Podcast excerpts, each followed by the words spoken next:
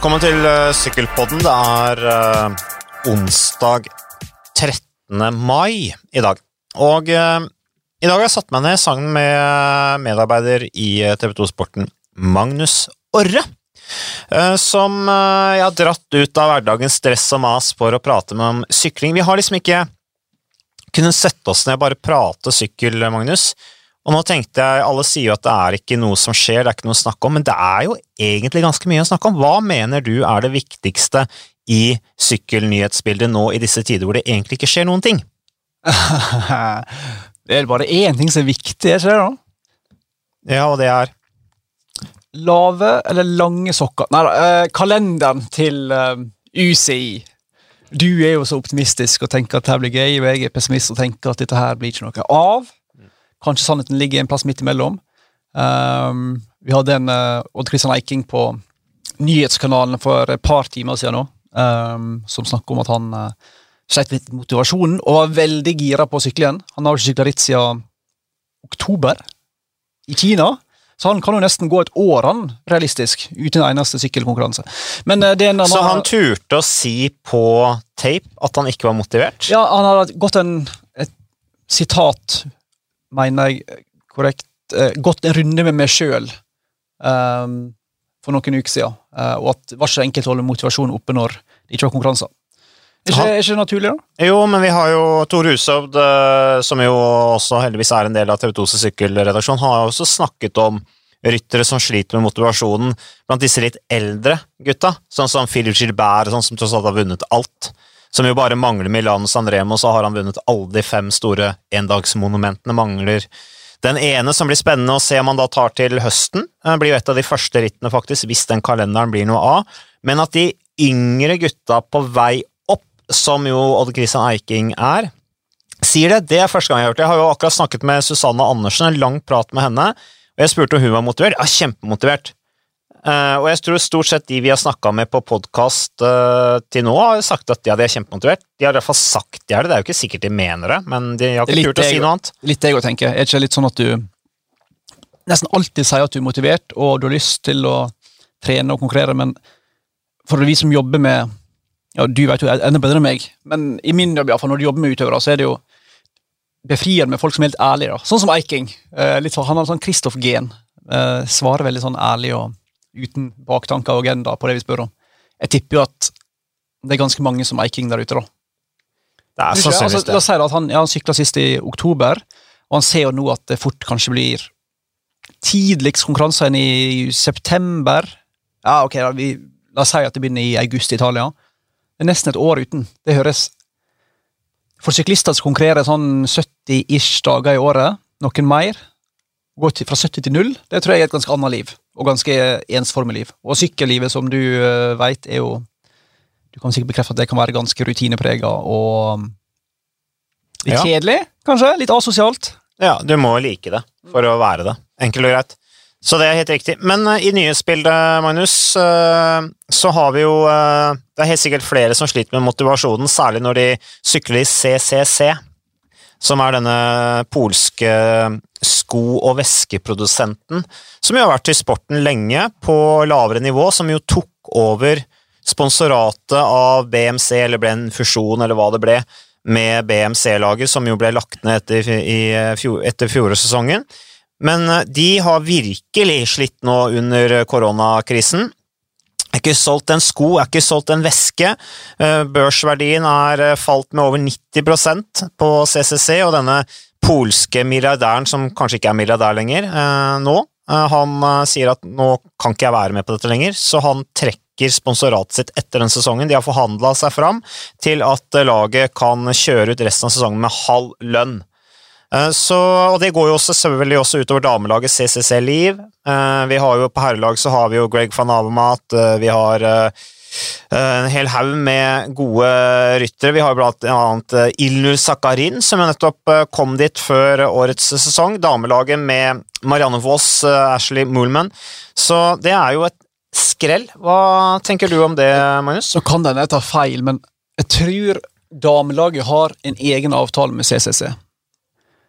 Sannsynligvis ryker de òg i samme dragsuget, men jeg tror ikke det er bekrefta på samme måte som med gutta. Så det er et bitte lite håp for jentene. Men jeg tenker jo Jeg, jeg er tydeligvis i sånn skyte fra hofta-humør i dag. Men jeg mener at CCC har vært en lagsponsor i 19 år. Jeg tror kun AG2R, Kofidis og Bær 93 Det er et par lag som ligger på 20 år sammenhengende sponsing av sykkel. CCC er altså på 19 år. Ja, Ceder Sjø er jo Ja. Mm. Så um, 19 år i sporten. Uh, ekstremt viktig for polsk sykkelsport, åpenbart. Selv om de ikke har hatt uh, sånn Kwiatkowski Maika der, så har jo nesten alle kommet derfra. Uh, men det er jo liksom det mest interessante for det litt bredere laget av publikum enn oss uh, sykkelnerdere, er jo at det, det gir jo veldig ringvirkninger for hele overgangsmarkedet, om vi skal kalle det. Du kan jo plutselig få en situasjon der du, det står um, La oss si at det er et par andre sponsorer òg sliter. da. At plutselig 10-20 topp topp klasseryttere plutselig er ledige på markedet. Og Det var kanskje et beskjedent estimat, egentlig. Uh, så altså, Greg van Amat, Matteo Trentin, Sakharin, uh, Masnada, alle, alle du nevner. eh, Serge Powers. Pauwels. Ja. Norsk venn Will Barta. eh, Så det blir utrolig spennende å se sånn rundt desember-januar hvordan lagkonstellasjonene blir neste år. For det kan være mye rart. altså. Jeg tror vi så Aleksandr Vinokorov sa at Astana må ha ritt i år for å overleve. Jeg tar jo alt han sier med klype salt, som det er et slags pressmiddel eller en, eh, en tabloid overdriving, vet jeg ikke. Men det kommer nok til å bli ganske store omrokeringer. Det vil få selvfølgelig eh, konsekvenser for de unge, som da kanskje ikke får plass. Det er snakk om å utvide U23-klasser, eh, det er mange forslag. Men alt er uklart. Og det er jo da for å gjenta meg sjøl til det er I all denne usikkerheten. Jeg syns det er så rart at, at UCI bare legger en uh, veldig tettpakka kalender på bordet og sier at uh, dette her har vi planlagt. Det, det får jeg liksom ikke til å rime opp med alt som er i, i spørsmålstegn ved nå. Men um, Nei, jeg skjønner at du er kritisk til det, Magnus, men uh, det får jo mye skryt da, i miljøet at du, UCI og samme arrangøren har satt opp denne planen, uansett hvor realistisk det eventuelt måtte være. Og man kan si at ja, de er jo prisgitt myndighetene uansett, så hvorfor skal de gjøre det? Men jeg tenker det blir jo veldig passivt å ikke være litt offensiv her, da. Men er ikke det litt frekt mot de som bor i de landene plassene sykkelritter skal gå, at en underholdningsaktør, som sykkelsporten er, sier at i august da skal vi sykle gjennom alle disse byene her. Vi skal ikke ha det uten publikum. Så vi bestemmer da at her skal det være. Er ikke det litt sånn ignorant overfor de som faktisk står oppi dette her i Italia, der det skal være sykkelritt i august, i Frankrike i august-september? Er ikke det litt sånn ufint? Skjønner du hvor du vil? Ja, altså Jeg tror ikke det er så lett for oss å sette oss inn i hvordan folket i, eh, i Bergamo har det. Nei, og heller ikke på UCI, UCI tror jeg, tydeligvis. Nei, så, så for, for, altså jeg skulle til å si at liksom, ja, men det er jo kjempegøy at det skal være sykkelløp, og det kan bringe håp og sånne ting, men det er klart at det er helt sikkert mange som er preget av det som har eh, blant befolkningen i de hardest rammede områdene, blant annet i Italia, som Ja. sikkert eh, har mye angst, er redde, eh, ønsker at dette skal gå over, eh, ønsker å ta alle forhåndsregler nå, for de vil ikke ha dette tilbake. Tror du gamle italienere der har lyst på et sykkelritt inn i gatene sine? Nei, det, altså, det er et veldig godt spørsmål, Magnus, og det, det tenker jeg at der tror jeg det er litt delt, hva slags type du er. Uh, om du er en type som er veldig pro å få samfunnet i gang igjen, Uh, kanskje er litt sånn ja, nå har dette her gått over, nå har vi vært gjennom bølgen, nå er det viktig å sette i gang. Det er mye som står på spill, så må vi kjøre på. Og så er det selvfølgelig de som har litt annen tilnærming til uh, smittefrykt, som jo syns, og som har angst, og kanskje har mistet nærmeste, og kanskje har underliggende sykdom, som jo har god grunn til å være redd. Så det der vil, eh, det der vil bli en sånn evig diskusjon, tror jeg. Jeg merker jo på meg sjøl nå, når du nevner sånn smitteangst. Jeg har begynt å få et Har du for, for hver dag som går, så er min mer og mer avslappa. Og jeg har ikke vært veldig stressa i utgangspunktet heller, for å være helt ærlig. Jeg er overraskende avslappa. ja, men Merker ikke du òg at liksom, det norske samfunnet liksom automatisk nå, for da, hver dag som går, blir mer og mer avslappa? Glemmer å vaske hendene. Jeg merker ofte at jeg blir dårligere og dårligere på å huske den antibac-en hver gang jeg går ut fra jobb, eksempel. Det er jo så mye antibac her på huset i TV 2 at uh, det er jo ja, du, Det er knapt hud igjen på Ja. disse her, eh, fingrene mine. Så det, jeg syns det er veldig lett å bruke det her, men, eh, men uh, jeg merker jeg blir litt det, Meg er litt mer som motsatt. At jeg på en måte venner meg. Jeg var mer litt sånn litt mer slaut i hele greia i starten. Og nå blir jeg mer og mer sånn på en måte dratt inn i det. Eh, Så nå begynner jeg å venne meg til Ja, jeg begynner å venne meg til å møte folk jeg ikke har sett på lang tid, og ikke ta det i hånda. Og det, det syns jeg er litt sånn rart, men eh, jo mer du gjør det, jo mer vant til det blir du jo. Så, eh, og jo mer vant blir du til altså, at du hele tiden skal alltid vaske hendene litt ekstra, skal alltid bruke sprit når det er tilgjengelig, og sånne ting, eh, og bare holde den der avstanden. Altså, jeg begynner å bli litt mer sånn vant til det. Men eh, ja, Men for de som er veldig glad i sykkel, da, som oss sjøl, så er det altså håp, folkens. For neste Altså, dette blir jo um, spilt inn på onsdag 13. mai.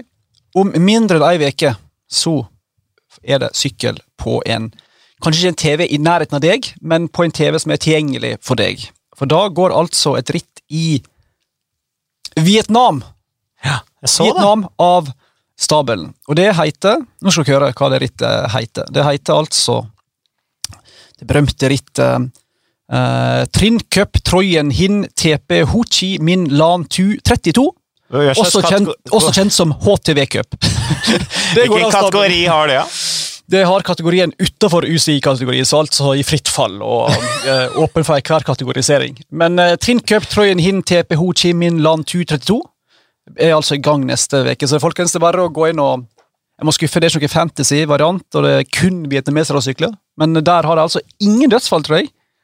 Nei. Der er det sykkel fra og med neste tirsdag. Der burde jo vi vært med kamerateam. Ja, la oss ta fri og dra sånn dit. som i Færøyene, ikke sant? Og på en måte tatt den til Vietnam, og lagd noe på Vietnams sykkelsport.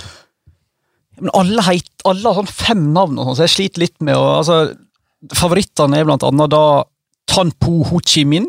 Mm, han er bra, han har en bra Ja, han er veldig god. Og så er det òg han um, Ikke Ho Chi Minh City, det er noe annet, men han Lungoyet Min og Ngoyen Trong Tai Tin Pen.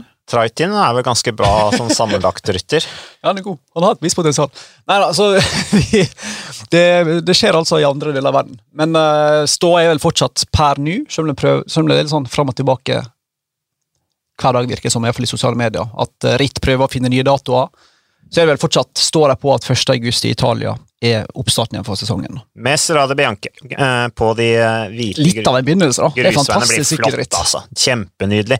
Så det blir bra. Eh, Og ikke minst så øker jo sjansen for en våt Paris Roubais, som alle syklister håper på, øker betraktelig når det går i slutten av august enn i tidlig april. Nei, slutten av Eh, eh, oktober, mener jeg. oktober, ja.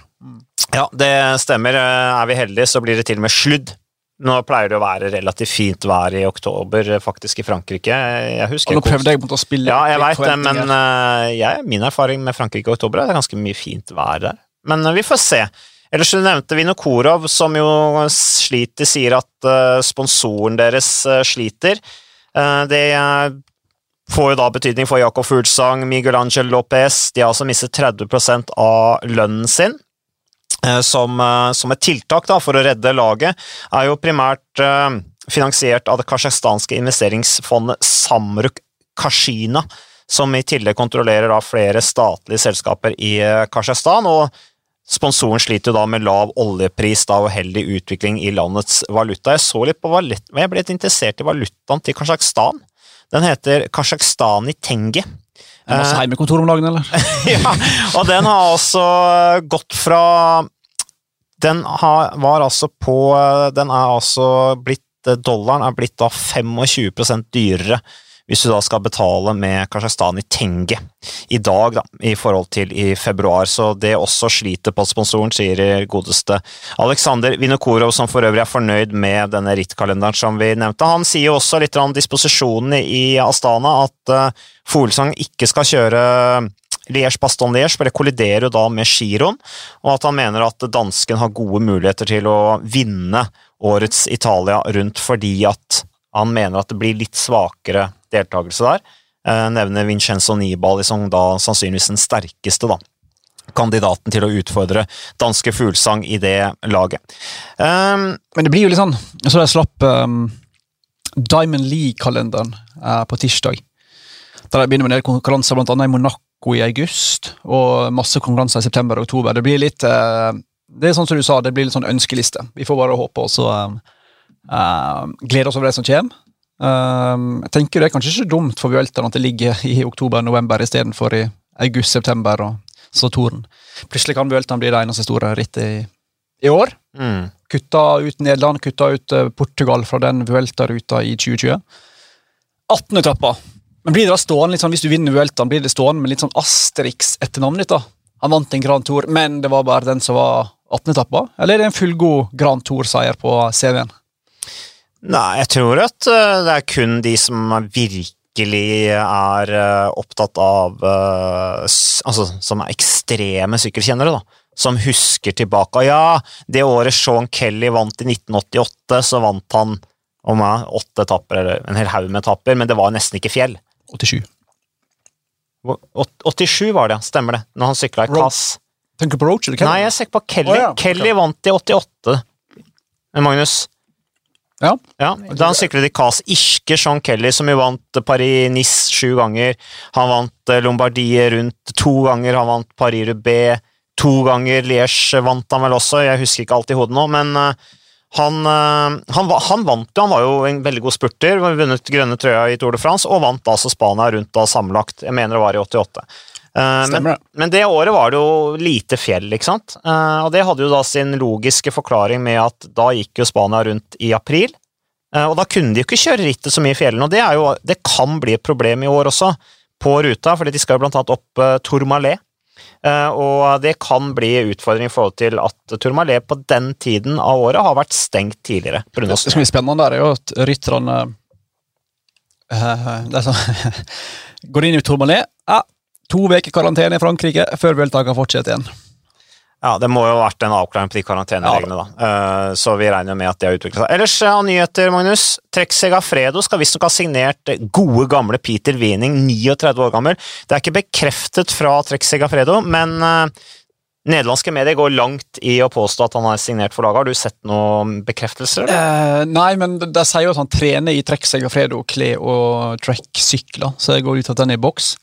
Vening er kul type, da. 39 år gammel. Ja, sånn der uh, Tour of Norway-ekspert, går det an å kalle han det? Norgesvenn. Han har riktignok vunnet etapper i Tour de France og Giro, men han er først og fremst kjent gjennom sin lange karriere for å være en Tour of Norway-ekspert. Figurerer alltid på dine og pappa Kagestad sine Tour of Norway-favorittguider i forkant. Uh, veldig sånn, sånn forfriskende ærlig, apropos Eiking og Kristoff. Gi litt F. Eh, Han ble gammel, det han Veldig lang og tynn, ser litt sånn rar ut, egentlig. Eh, Og så sykler han på tunge gir. ja, Han er den sånn ene som eh, tviholder på den gamle stilen hvor gutta sto over styret og tråkket på tunge gir. Der er Peter Mening eh, fremdeles, så han eh, er litt sånn fin for de som eh, er litt nostalgisk av seg og liker å se på gamle syklister på, i gamle videoopptak, VHS-video. Alle husker Wening for 2004 Tour de France. Han vant med var det 0,0001 sekund? Nei, 0,00002 02 ja, faktisk. ikke- foran Andreas Kløden. Stemmer det. Ja, det var Andreas Kløden hadde jeg veldig sansen for. da. Kanskje Nei, Det var feil å si høyt, da. Men eh, Andreas Kløden hadde, i kraft av sin unektelige eleganse på sykkelen Han bevegde ikke over kroppen en millimeter. Han var så elegant å se på. Jeg tror ikke han var all verdens de type, uh, men han var liksom alltid sånn, skal si, 2003, 2004, 2005, opp til 2007, kanskje. Ta litt fra hodet, men han var på pallen i Tour de France, for de som ikke husker han så godt. Uh, men du satt alltid med en følelse av at Andreas Kløden kunne blitt uh, veldig mye bedre enn han blei. Hvis han ikke fulgte penger, men fulgte der det var mulighet for å faktisk lede et lag. Han havna liksom i Ulrich, uh, Vinokorov-skyggen, da. Men maken til stilsikker syklist og Contador-skyggen i Astana. Jeg ville faktisk, for, jeg ville faktisk vært i skyggen til Lance, istedenfor å være den kasta skyggen på Lance. Men eh, han Vet ikke jeg. Han satt Det er litt sånn Eros Capecche, Pippo Pozzato-nivå på sittestillinga der. Elegant rytter. Ja, meget. Men uh, det, var, det var noe helt annet. Jeg husker jeg var på bryllupet til Jens Fugt med Andreas Kløden. Han uh, havna dypt ned i rødvinsflaska. Han var ikke like elegant da. Men uh, av andre nyheter så har du Remi de Gregorio. Uh, apropos gamle røvere. Er det nyhet? Jeg føler den saken har pågått i uh... Jeg ble så overraska. Plutselig fikk han fire års utestengelse på EPO. Tenk Jeg tenkte, hvor kom den fra? Ja, altså, sånn, Skjedde ikke det for to år siden, men han har jo faktisk venta på en dom i to år og noen måneder. Var det Paris-Nice det skjedde? Om jeg husker rett? Ja, 2018, 8. mars, testet eh, Remi de Gregorio, som nå er 34 år gammel, da positivt på et, eh, en av de mange typene EPO. Det er jo en 30-40 forskjellige typer EPO, og en av disse testet da Remi Di Gregorio eh, positiv på. Han eh, franskmannen Gregorio var jo proff, eh, debuterte i Francé de Jeu i 2005, og sykla også i, eh, var der i fem år, før han da hadde kortere perioder i Astana, Cofidis og Delco Marseille og vant en etappe i Paris-Nice i 2011. Var en offensiv rytter, vant du da foran Samuel Sanchez. Apropos nostalgi, Magnus, du er jo en Euskatel eh, du, Hjertet ditt ligger der fremdeles. Slo da Samuel Sanchez, og så slo han Rigoberto Uran, som den gang syklet i Men- Team Sky. La oss hylle Remidi Gregorio for å, å være litt kreativ i dopingbruken sin. da. Han tar altså Aranesp, som er sa du det, andregenerasjons EPO. Og jeg tror alle i Norge husker at Johan Myhlegg røyk på ei stygg dopingblemme i Salt Lake City-OL i 2002. Det var for Aranesp. Og i 2002 var det skikkelig sånn der nymotens doping. Myhlegg hadde ikke fått med seg at de kunne, at hadde metode for å avsløre, så det var skikkelig sånn eh, banebrytende high-tech doping 2002. Men vi er altså, Han vi er altså, i- vi er altså i 2020. Mm. Det fins ganske mange mer avanserte ting og billigere ting å dope seg med. Remidi Gorio nei da. Det var 2018, Ense ingen frykt tar altså et veldig lett eh, stoff å oppdage, og det ligger jo synlig i blod ganske lenge. Mer enn type Sera. Så Aranesp, det um, uh, Ja. Kanskje ikke det beste valget han har gjort, da, men Di Gregorio har vel vært innblanda i andre saker i, i tillegg. Så det er vel ikke noe sjokk at han ble tatt. Han har vært innblandet i én sak tidligere hvor han ble kastet ut av Tour de France pga. at han hadde sprøyter. Eh, hvor de, han ble tatt for å ha sprøyter i bagasjen. Glykogen, Ja, og, og hvor han selv sa at han brukte de sprøytene til å tilføre kroppen glukose. Som jo ikke er uvanlig uh, at ryttere får for å restituere seg, men når du får det da i sprøyteform, så er det ulovlig. Men han ble jo ganske hardt straffet, og da mente mange til hans forsvar at han blir hardt straffet for å tilføre kroppen sukker. Eh, men nå viser det seg jo da, når han da tidligere har gått på EPO, så forsvinner jo da troverdigheten hans da, fra den tiden også. Ja, og så vet en jo at syklister har brukt eh, lignende ting, altså insulin eksempel. Michael Rasmussen og veldig mange andre har brukt insulin for å øke glykogenlageret i kroppen, så du trenger til eksplosive De Luca brukte bravader insulin. insulin. Så jeg, jeg har vel mine tvil om det kun var eh, glukose han tilsatte til kroppen sin i 2011 eller 2012, eller hvor tid det var han ble eh, tatt, eller ble kasta ut av Tour de France, men ble til slutt frikjent. Men nå altså fire år ute, da. Mm. Ja, så det har skjedd. Det er mye som skjer altså, i, eh, i sykkelverdenen. Ja. Apropos, så, som sagt, jeg hadde en lang prat med Susanne Andersen, Sunweb-rytteren fra Stavanger. Eh, Den podkasten legger vi ut i morgen, for det ble en så mye lengre prat enn det jeg hadde trodd. Susanne hadde masse å si. Men da snakket vi blant annet om VM. Som jo skal etter planen gå i Martigny, eh, eller Egle, i eh, Sveits, eh, rundt hovedkvarteret til UCI, Union Cyclist International. Og det, pga. pandemien, så kan det bli flyttet til steder hvor de er mye mindre bekymret for pandemi, tydeligvis. Qatar, Oman eller De forente arabiske emirater. Og jeg spurte Susanne om det, og jeg skal ikke si hva hun svarer, for det kan dere høre, men hun var sånn passe happy. Gleder du deg til å reise tilbake til Qatar, Jeg kan si her nå at hvis det blir flytta dit, så drar jeg ikke. Been there, done that. Vi var i Qatar i um, Doha-VM i 2017. 16. 16 var det, ja. Mm, Bergen var 2017. Var i Abu UAE-tour i fjor. Det er altså så eh, langt fra det Altså Det menneskerettslige for andre folk ta seg av, men bare sånn opplevelsen av å være på sykkel der nede er så bedriten at jeg tror ikke jeg skal um, ta turen til sykkel. Du kan jobbe som reporter, Mats, hvis du har lyst til å ta den jobben. Det blir i så fall min tredje tur til Hvis det blir Qatar, da. Da håper jeg i så fall det blir Oman. Jeg får- følelsen av- Der har du liksom bakka opp Ja, skatt. og, Oman ser mye, mye sånn spennende ut. Litt sånn terreng, og du kan sitte og drikke te og røyke sånn der eh, Hva heter de pipene? Pass på hva du sier nå. Sånn der uh, ski... Nei, hva, De røyker jo ikke dop. vanndamp... Ja, vann, pipe, vannpipe, ikke sant? Ja. Ja. Eh, så, Men er det nikotin i dem, eller er det ikke nikotin i dem? Nei, det har jeg ikke peil på. Jeg husker de drev og røyka det når vi var i Qatar også. Lytterne? Ja, ja, alle satt og dampa og røyka på banketten. og da var, det, da var det ikke Det var ikke sterkere saker oppi det Litt da. Altså. insulin inni der, så har du Så det, jeg er ikke noe bekymra for hva eventuelt rytterne får i seg når de røyker vannpipe i Oman. Eh, De er jo eh, av, avholdt når det gjelder rusmidler. Men vi er vel samstemte i at vi krysser alt vi måtte ha av kroppsdeler for at det blir i Sveits og ikke i Emiratene. Ja, bortsett fra at uh, hvis det blir La oss si at det blir Qatar, da, uh, så er jo sjansene for norsk seier mye større. Jo, det må vi være enige om. Da kan vi kanskje endelig få det opptrekket, da. Uh, som Edvald Fire år Baasen etterpå Hagen og Alexander Kristoff krangla om. Da har et fire år forberedt seg, så da bør det være bra. Da kan vi legge den ballen død, endelig. Gjett om vi skal dra det opp i forkant hvis det blir eh, Det blir sånn kavalkade på det opptrekket. Da kan vi analysere det opptrekket, opptrekket frem og tilbake, og skal vi si dette må Edvald gjøre bedre i år. Så blir det seier. Er du ikke enig at det kan bli kjempegøy? Nei. Eh, Tom Bonen eh, jeg, jeg har stussa litt på det. Det har stått om Tom Bonen eh, i flere anledninger i media. At han skal gjøre comeback. Jeg måtte gni meg litt sånn i øynene. Hæ? Det, det kan umulig stemme.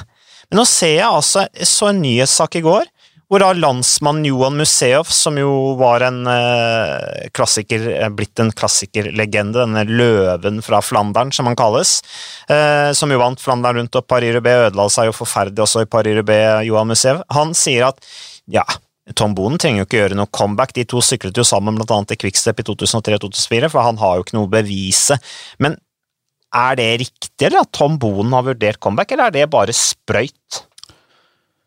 Eh, Nei, du spør jo en som ikke har svaret, altså, men Han er bare 39 år gammel. det er masse rykter om det, og han uh, har visst ikke sykla så masse angivelig siste tida, men har visst holdt seg i god form og har drevet masse billøp, diverse greier. Men jeg sitter og ser på den her uh, The Last Dance, ser du den? Michael Jordan-greia på Netflix. Jeg må bare overbevise kona mi, for vi pleier å se på Ja. det samme, og det er tøft å skulle se på. Altså, vi er Jo, men til enige og med Karoline syns det er gøy. Ja, ok. Ja, det er dritbra. Mm. Men der er jo um, Be like Mike. Eh, der gjør jo han comeback. Han bytter jo fra basketball til baseball, og så tilbake igjen til, til um, uh, basketball. Uh, og det er jo en del sånne typer som Jeg tror ikke Tom Bond er som like um, hard som Michael Jordan var, men det er et eller annet med disse litt sånn unike vinnerskallene som nettopp det ikke går tilbake til sporten for å bevise noe. Det tror ikke jeg er Tom Bond sitt hode heller. Det var heller ikke Michael Jordans hode. Mer bare fordi at det er det jeg har lyst til å gjøre, det er der jeg er hjemme, og her er det. Samme om folk syns at jeg er dårligere enn før, eller eh, har, eh, har noe ugjort på banen, eller altså Han slåmmenstypen, som fort kunne vært gal nok, og fysisk talentfull nok til å faktisk kunne gjøre det, men han er jo begynner å bli gammel, da. Ja, 39 år. 39 år, sant? og det høres jo helt utopi ut etter eh, Ja, men tre år hvor lenge han la opp. Ja, ja, men Chris Horner vant jo Welta i Spania som 41-åring. Ja, men han hadde Ja, vi skal ikke si Han, eh, han gjorde det. Ja, han gjorde det. Eh, men jeg vet ikke om det er et eksempel Det er vel unntak som bekrefter regelen, da, for å si det sånn. Kom vi oss greit unna den, eller? Uh, ja, kan jo si sånn. Folk kan tolke det som de vil, men uh, ja, vi får jo se hva som skjer med Tom Vi får Det hadde vært dødskult, da. Og for Tom Bond, Ja. du, du savner litt Tom Bond. Han hadde en uh, tilstedeværelse i sykkelritt og utenfor sykkelritt som var ganske heftig. Nå blir det jo sikkert eh, vanskelig for Tom Bonden å finne et lag, da, nå som disse lagene legges ned. Eh, internasjonale pres altså Presidenten i Internasjonale Sykkelforbund, David Lapardien, sier jo at uh, han tror ikke at bare ett lag vil slite. Nå har vi jo CCC som ryker. Han tror at opptil fem lag vil slite. Og Lotto Sodal nevnes som et av de, og det syns jeg er rart, Magnus, at Lotto Sodal nevnes som et av de lagene som sliter. Apropos tradisjonsrikt sykkellag, de har også vært i sporten siden omtrent 80-tallet, eh, slutten av 80-tallet. Eh, og de signerte blant annet Frank van den Broek da han var juniorsyklist, for eksempel. Eh, en fan terrible som han var. Men de skal visstnok slite, og det må jo da i så fall være Sodal, da, som eventuelt har stor omsetningssvikt, fordi at Lotto er jo statlig drevet eh, lotteri, hvis ikke de har endret på det. Vi vet at Francé de Sjø ikke lenger er statlig, det er nå privateid lotteri. Men, eh, men eh, det overrasker meg også, fordi at jeg så også rapporter om at det var den belgiske sportsministeren som gjennom Lotto økte bevilgningene til damelaget deres forrige uke. Så hvorfor de sliter så mye mer enn andre lag, det, det skjønner jeg ikke helt. Nei, vanskelig å skjønne, og så er det jo Når vi snakker med om det er norske eller utenlandske ryttere om dagen, og lag, så virker det som ganske mange av dem har fått en beskjed om å ikke snakke for masse om hvor stor lønnskutt dere har, eller hvor det egentlig står til. For veldig mange gir stort sett ganske sånn runde svar om at ja, det er sikkert mange lag som vil slite, men jeg har kjørt nok fra mitt eget lag. Det er tydelig at eh, Jeg tror det skjer litt mer i kulissene enn vi får innsyn i. nå. Det er sikkert en del sponsorer som er redde for å Ja, at det skrives for mye og snakkes for masse om at enkeltlag sliter. Men jeg tror det kommer til å poppe opp et par overraskelser etter hvert. ja. Det virker jo litt sånn. Samtidig som enkelte lag som eh, Ineos, eksempel, eh, til tross for at oljeprisen eh, er noe litt annet nå enn det var før, eh, ser ut til å ha god, god kål. Ja, for sånne Ja, men tolke, nå så jeg jo, til eh, eh, sjefene. Jo men Ineos, og så er de eh, Petro Ineos, som er et selskap som er deleid av Ineos-gruppen, og Petrokina, som er et statlig kinesisk oljeselskap. Nå har de søkt av det britiske myndigheter om et eh, lån på 500 millioner pund eh, som en sånn krisepakke. Kriselån. Eh, så det er jo flere som sliter her, altså. Men det høres ironisk ut, men det budsjettet Ineos har på 40 millioner euro, blir jo bare sånn piss i havet. Altså, det er en ganske liten sum sett i det større perspektivet. Um, faktisk, sykkel er en ganske billig idrett å sponse, da. Men eh, nei, jeg vet ikke. Det er som sagt litt vanskelig å få klare svar fra ryttere og lag om dagen. Det er masse spekulasjoner. Og, Ja, og så tror jeg faktisk også Ineos kan spille litt på den bølgen som rir rundt omkring i eh, Europa nå, i europeiske storbyer, rundt dette med utvikling av sykkelkulturen. Eh, Vi ser franske stat betaler støtter alle mennesker som vil reparere sykkelen sin, med 50 euro, blant annet, som vil fikse sykkelen sin. Eh, Og det er også veldig eh, planer for utbygging av sykkelnettet, nettopp for å få folk til å sykle mer. Og det er jo en sånn Der går jo på en måte uh, proffsyklinga som en sånn Det er en slags spydspiss, da. uh, som jo Veldig mye av britiske sykkelsatsinga har jo også lent seg litt på det å være en slags eh, spydspiss for eh, hverdagssykling. det, det du sier der, er litt sånn interessant. For det har slått meg i mange år at i en, i en sport der jeg klager ofte på skiftende økonomi og ustabile sponsormarked, eh, så har du sett i veldig mange storbyer rundt om i Europa de siste ja, i alle fall 10-15 åra veldig sånn oppblomstring av sykkelveier. eh, at det er fornuftig, at det er framtida, at det er bærekraftig, at det er bra for miljøet.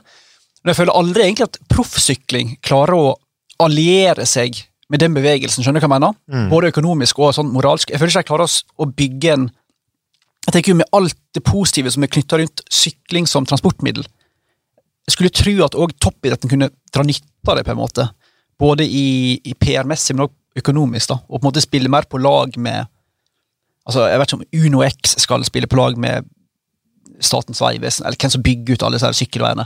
Men jeg skulle tro det var en del, eh, for å bruke et veldig dårlig ord, sånne symbioser. Er ikke det jeg sier når du ikke helt vet hva du skal si? Men som har henger sammen på en eller annen måte. Veldig godt ord Ja, å bruke når du ikke vet hva du skal si. Som har en eller annen sånn effekt på begge parter, da.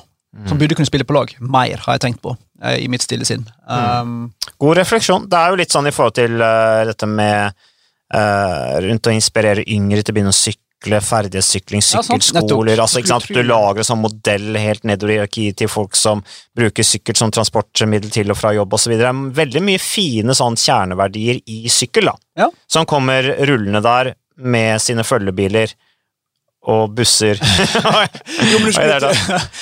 Når det gjelder UnoX, så, så har de blant annet eh, de, har, de lever på slagordet 'bare billig bensin når du ikke sykler'.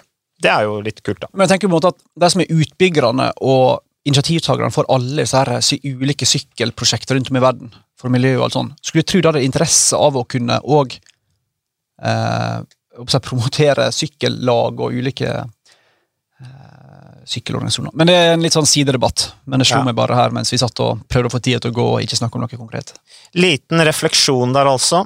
Uh, som jo hadde en slags var en symbiose oppi alt det andre vi snakket om. Apropos UnoX, Darebike Development, de får snakke om noe som er positivt, da. Oppi alle disse dårlige nyhetene med internasjonal sykkelsport og covid. Nå er jo ikke dette bare noe som gjelder sykkelsporten, det gjelder jo hele samfunnet, det vet jo alle som lytter bare på denne den podkasten. At liksom Bare sånn, bare sånn for å si det, liksom. Uh, bare sånn for å ikke få disse meldingene. Det gjelder jo alle andre òg.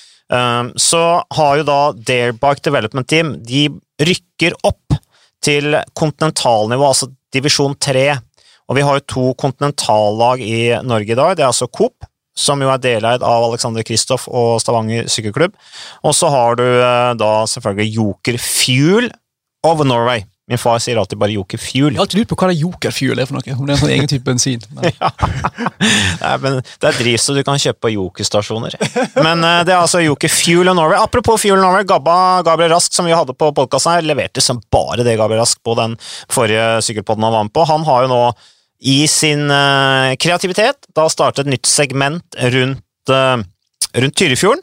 Så det kan dere jo prøve dere på.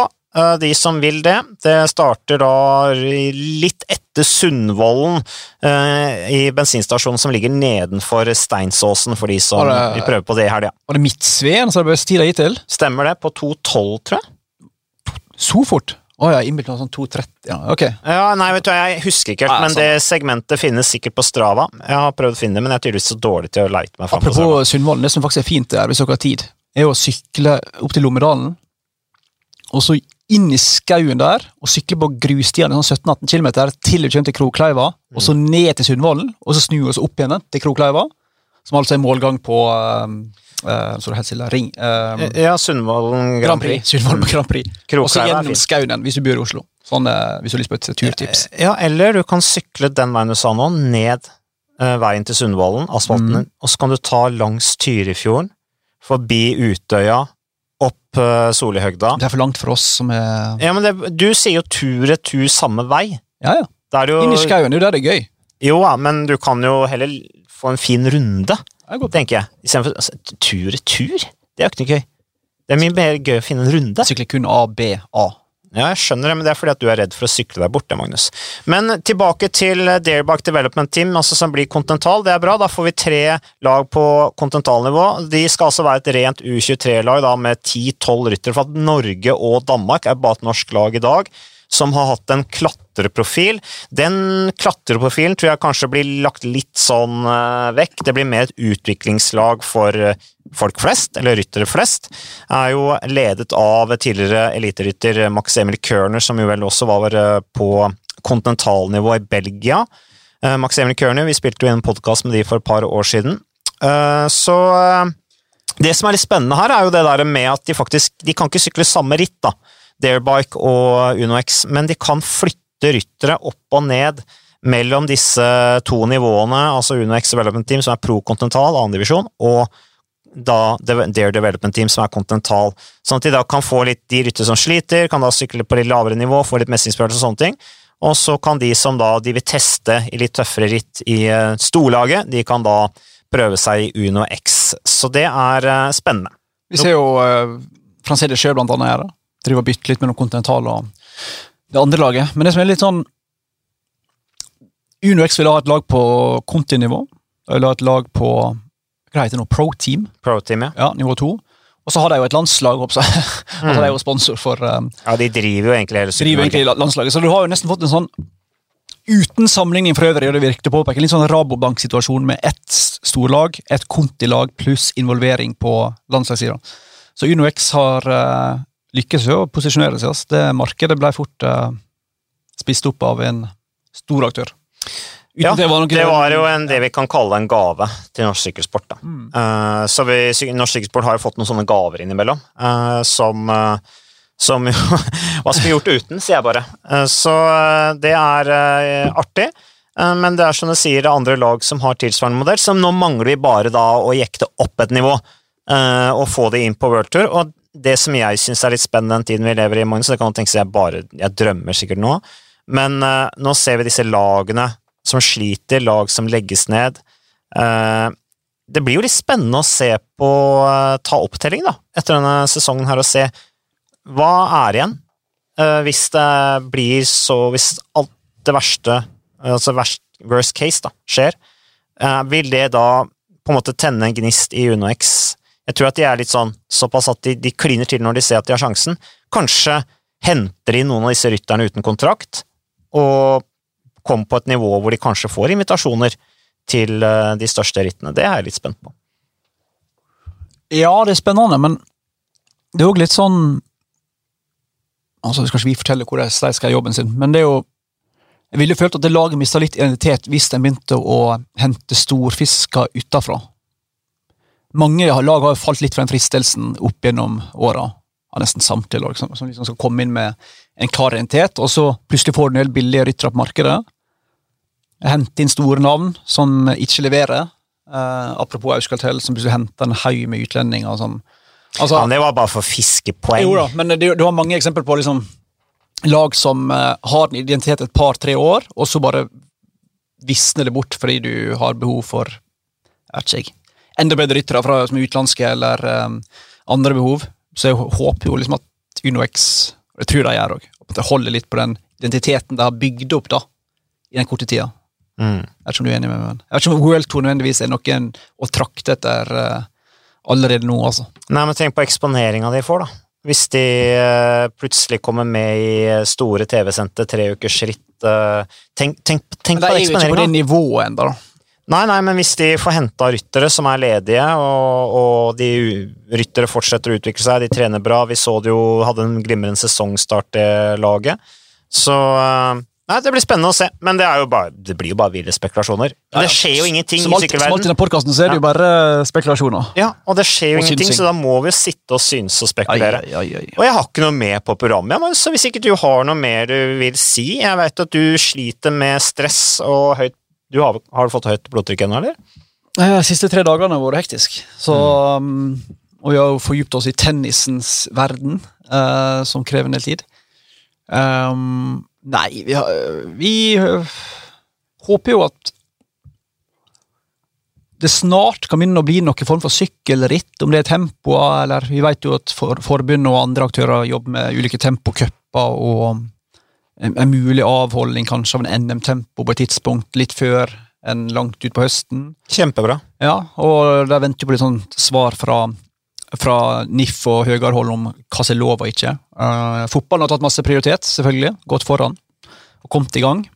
Jeg hører du bruker 'går foran' med positiv fortegnelse. Å ja, jeg mente negativt. Nei, Ja, kødda, for at kødda. du, ja, jeg var litt sånn overraska her. Nei, nei, det er, Er du måte- positiv til det?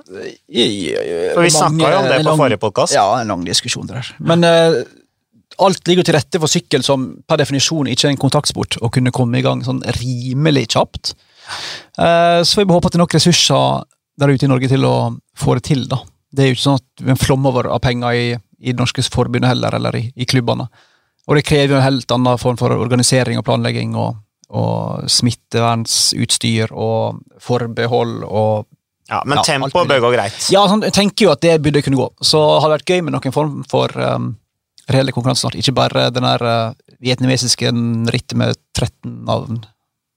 Eh, Eller for guds skyld ikke la oss bli vant til å se sykkelløp på uh, Swift og lignende plattformer. Ja, jeg merker sant? jeg, Da er har det gått for langt når du begynner å bli vant til det. ja, jeg er ikke helt, jeg skal ikke helt sånn Peter Sagan, men jeg er ikke sånn der uh, overbegeistra, nei. Nei. Nei da, det er gøy med at de Altså, vi har vært positive til at de har satt i gang, vi er positive til at de tar initiativ, vi er positive til at de tenker alternative løsninger, men jeg har ikke lyst til å venne meg til å sitte og se på virtual cycling, altså. Men jeg fikk jo forklaringer på hvorfor Nicholas Roach er så god på dette. da. Så var det Cycling News som hadde en sak. Han har vært uh, hjemme alene i leiligheten sin i Monaco i to måneder. Ja, jeg så det at han skulle bruke første dagen i frihet til å besøke Ja, familien så han har satt sin leilighet i Monaco, der det er portforbud til og med, i to måneder. Mm. Det er ganske brutalt. da.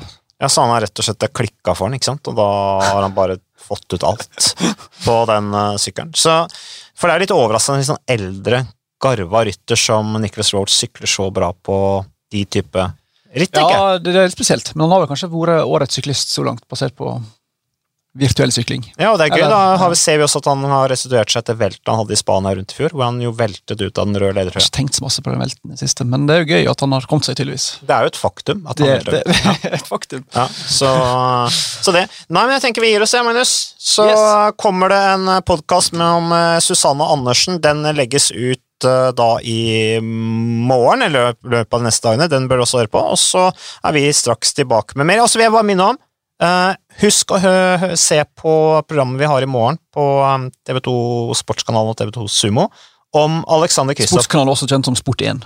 Sport1 er det, ja. Tror jeg. Ja. Er det Sport 1? Skift navn på disse kanalene hele tida, så jeg er litt Nei, jeg ble veldig usikker, men når du også er usikker, så blir jeg helt forvirra. Vi satser på Sport1 og Sumo. Ja, det, da er det et Vi hadde jo om Edvald Baasen Hagen forrige uke. Nå blir det Alexander Kristoff, så følg med på det. Kos dere, og kom dere ut og sykle. Adios.